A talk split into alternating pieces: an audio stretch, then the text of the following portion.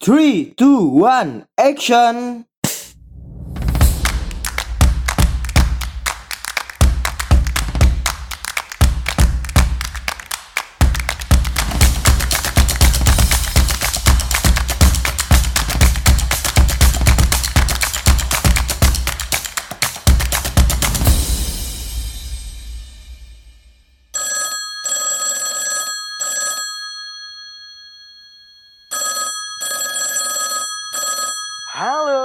Selamat datang kembali di Pod by MA, tentunya di program Anak Komunikasi.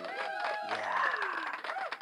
Oke, para pendengar Pod by MA, pada pertemuan yang lalu kita sudah mendengarkan curhatan.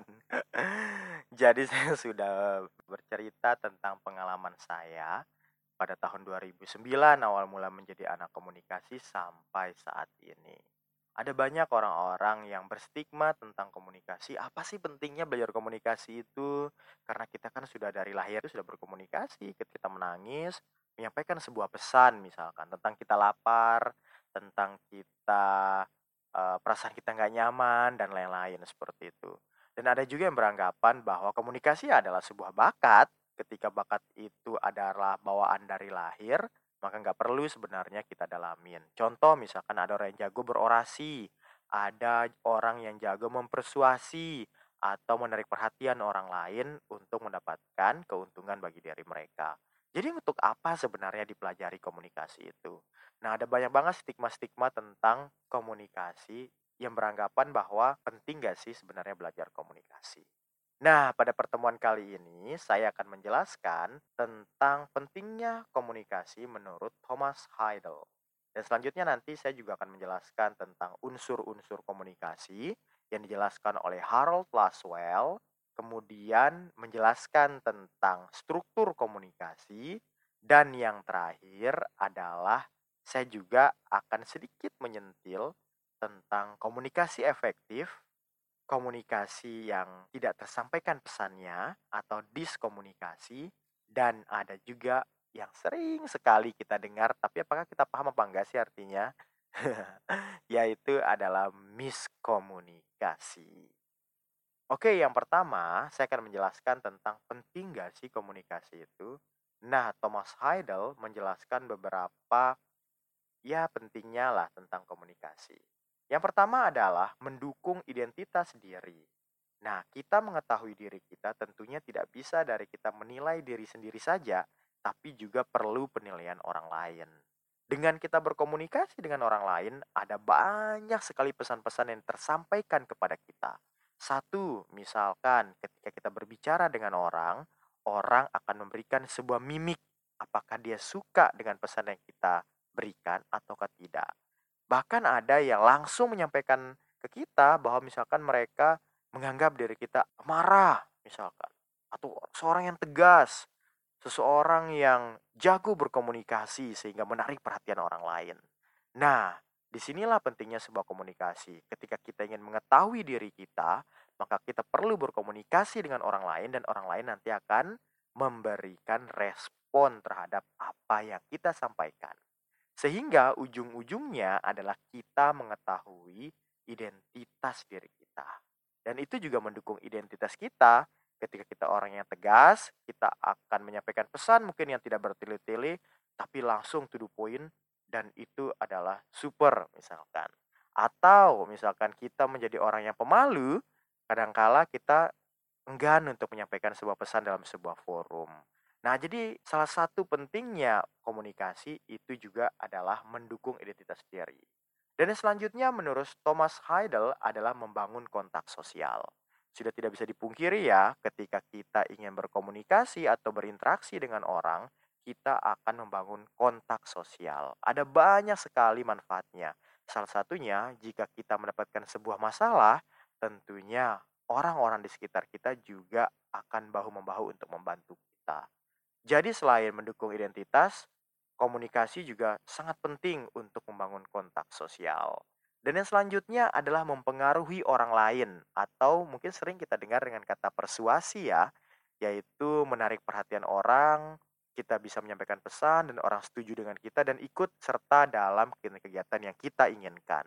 Ini banyak sekali ya dalam kehidupan nyata kita rasakan. Misalkan seorang sales mobil menawarkan sebuah mobil kepada seseorang atau orang-orang yang mempromosikan sebuah barang, misalkan asuransi jiwa seperti itu. Nah, ini juga membutuhkan kemampuan komunikasi dan ini bisa diasah dan bisa dibentuk sebenarnya. Maka di sinilah pentingnya komunikasi. Yang ketiga adalah mempengaruhi orang lain. Dan yang terakhir adalah mengendalikan lingkungan fisik maupun psikologi. Contohnya, kita ingin kampanye tentang zero waste di perkampungan dekat rumah kita. Tetapi perkampungan dekat rumah kita itu semuanya orang pekerja semua, orang kantoran, sehingga susah sekali untuk mengumpulkan mereka. Nah, dengan komunikasi dan strategi komunikasi, kita bisa membangun lingkungan fisik maupun psikologi. Contohnya, misalkan kita membuat sebuah kegiatan karaokean pada weekend, karena semuanya bekerja ya, dari pagi sampai sore, malamnya juga istirahat dengan keluarga, jadi tidak ada waktu untuk bermasyarakat. Maka dengan cara strategi seperti itu, itu bisa menarik perhatian mereka. Mereka bisa berkaraoke, berkumpul di sebuah lapangan sambil bergotong royong. Dan termasuk juga misalkan untuk mengendalikan lingkungan psikologi kita. Misal pada saat kita berpidato ada sesuatu permasalahan yang kita dapatkan, maka dengan komunikasi itu bisa menenangkan juga hati kita. Nah, itu adalah pentingnya komunikasi menurut Thomas Heidel. Dan selanjutnya yaitu unsur-unsur komunikasi yang disampaikan oleh Harold Laswell. Yang pertama adalah who atau siapa siapa sih pengirim pesan itu atau siapa sih yang akan berkomunikasi. Jadi kadangkala unsur komunikasi ini sering kita lewatin. Kita menganggap ini sebagai suatu yang sering kita lakukan, kemudian yang alamiah, sehingga kita tidak menyadari pada saat kita berkomunikasi ada unsur-unsur di dalamnya. Tadi yang pertama adalah who atau siapa. Yang selanjutnya adalah say what atau pesan. Ya percuma ya ketika ada seorang ingin berkomunikasi tapi tidak ada pesan yang dikirimkan. Dan di sinilah unsur komunikasi yang kedua adalah pesan itu sendiri. Dan yang tidak kalah penting yaitu with channel atau medianya. Kita nggak pernah menyadari pada saat kita berbicara dengan orang lain, ada alat mulut untuk kita berbicara dan ada gelombang-gelombang suara atau udara untuk menyampaikan sebuah pesan.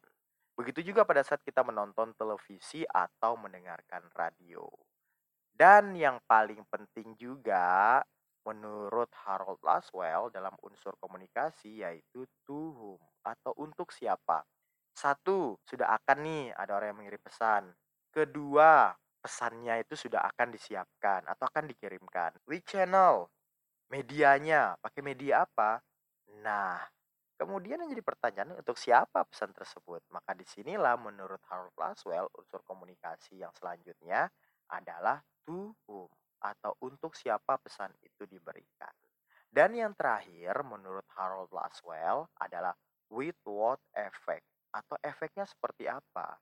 Jadi unsur komunikasi menurut Harold Laswell harus ada siapa pengirim pesan, pesannya ada, kemudian dibingkai dengan media, dikirimkan kepada seseorang, dan ada efeknya. Ketika orang menyampaikan sebuah pesan, maka orang si penerima pesan itu melakukan apa yang diinginkan atau menjawab apa yang disampaikan dengan si penerima.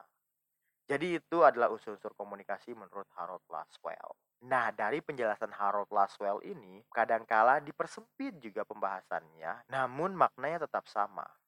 Yang pertama itu adalah yang who tadi itu biasa disebut dengan komunikator atau si penyampai pesan. Yang selanjutnya, pesan itu dikirim melalui media atau gabungan antara what pesan, dan we channel tadi media. Dan yang terakhir adalah komunikan atau penerima pesan. Jadi proses komunikasi saja itu ada si pengirim pesan atau komunikator, media yang membalut sebuah pesan dan dikirimkan kepada si komunikan atau penerima pesan. Itu simpelnya pada saat kita ingin membahas struktur komunikasi. Namun sering menjadi masalah ya pada saat kita berkomunikasi dengan orang lain ada beberapa istilah yang sering kita dengar. Yang pertama ada yang namanya miskomunikasi, kemudian diskomunikasi, yang terakhir adalah komunikasi efektif. Kita bahas dari belakang dulu ya, yaitu komunikasi efektif.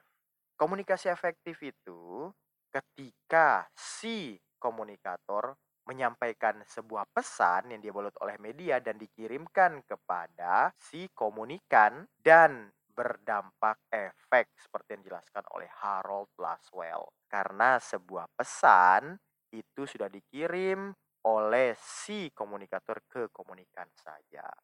Nah, yang selanjutnya ada miskomunikasi, yaitu kesalahan pada saat si penerima pesan itu melakukan yang berbeda dengan dikirimkan oleh si pengirim pesan atau komunikator. Contohnya, misalkan saya meminta tolong seorang mahasiswa untuk mengambil sebuah buku. Dia bingung buku apa gitu. Maksud saya adalah buku komunikasi. Kemudian dia mengambil buku kosong dan diberikan kepada saya. Nah, ada berbeda penafsiran yang dilakukan oleh si mahasiswa dengan saya. Maka di situlah terjadi miskomunikasi. Putusnya itu adalah di efeknya. Ketika saya mengirim sebuah pesan kepada mahasiswa melalui bicara langsung, dia menerima pesannya dan sudah terjadi komunikasi di situ. Tetapi pada saat melakukan efeknya itu berbeda dengan yang saya minta. Maka di situlah terjadi miskomunikasi. Putusnya adalah di efeknya. Dan yang terakhir yaitu adalah diskomunikasi. Pesan tidak sampai kepada si komunikan Contoh misalkan, saya memanggil seorang teman tetapi di situ bising banget. Ada banyak lewat motor, lewat mobil, ribut dan lain-lain. Tapi saya memanggil si A dan dia tidak mendengar sama sekali karena pesannya tidak sampai. Atau pada saat kita menyapa teman kita yang menggunakan headset, dia tidak membalas sama sekali, bahkan langsung jalan tanpa menghiraukan kita. Nah, di situ putusnya pada saat pesan itu ingin dikirimkan kepada komunikan maka terjadi diskomunikasi. Kalau komunikasi efektif, efeknya berjalan. Ketika itu menjadi miskomunikasi, putusnya di efeknya. Dan ketika itu diskomunikasi, pesannya tidak sampai kepada komunikan. Nah, para pendengar PDMA, tentunya masih nggak kita berinterpretasi bahwa komunikasi itu mudah. Sebenarnya sih komunikasi itu mudah, tapi pada saat kita membahas tentang komunikasi sebagai sebuah teori, maka kita perlu menjabarkan detail tentang pentingnya komunikasi, unsur komunikasi, dan struktur komunikasi. Ada banyak yang akan kita bahas pada pertemuan-pertemuan selanjutnya, tentunya tetap mendengarkan PDMA di program Anak Komunikasi. Sampai bertemu lagi di pertemuan selanjutnya. Yau!